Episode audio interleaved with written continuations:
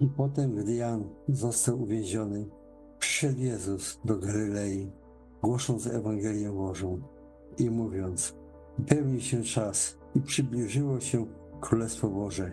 Upamiętajcie się i wierzcie Ewangelii.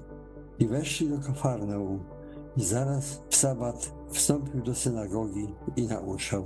I zdumiewali się nad nauką Jego, gdyż nauczał ich jako moc mający, a nie jak uczeni w piśmie.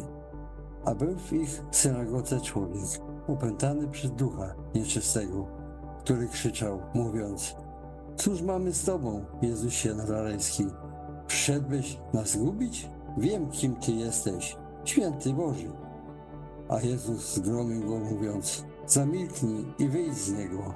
A duch nieczysty, szarpnąwszy nim i zawoławszy głosem wielkim, wyszedł z niego. I zdumiewali się wszyscy, tak iż pytali się nawzajem: Co to jest? Nowa nauka głoszona mocą? Nawet duchom nieczystym rozkazuje i są posłuszne. I wnet rozeszła się wieść o nim wszędzie po całej okolicznej krainie galilejskiej.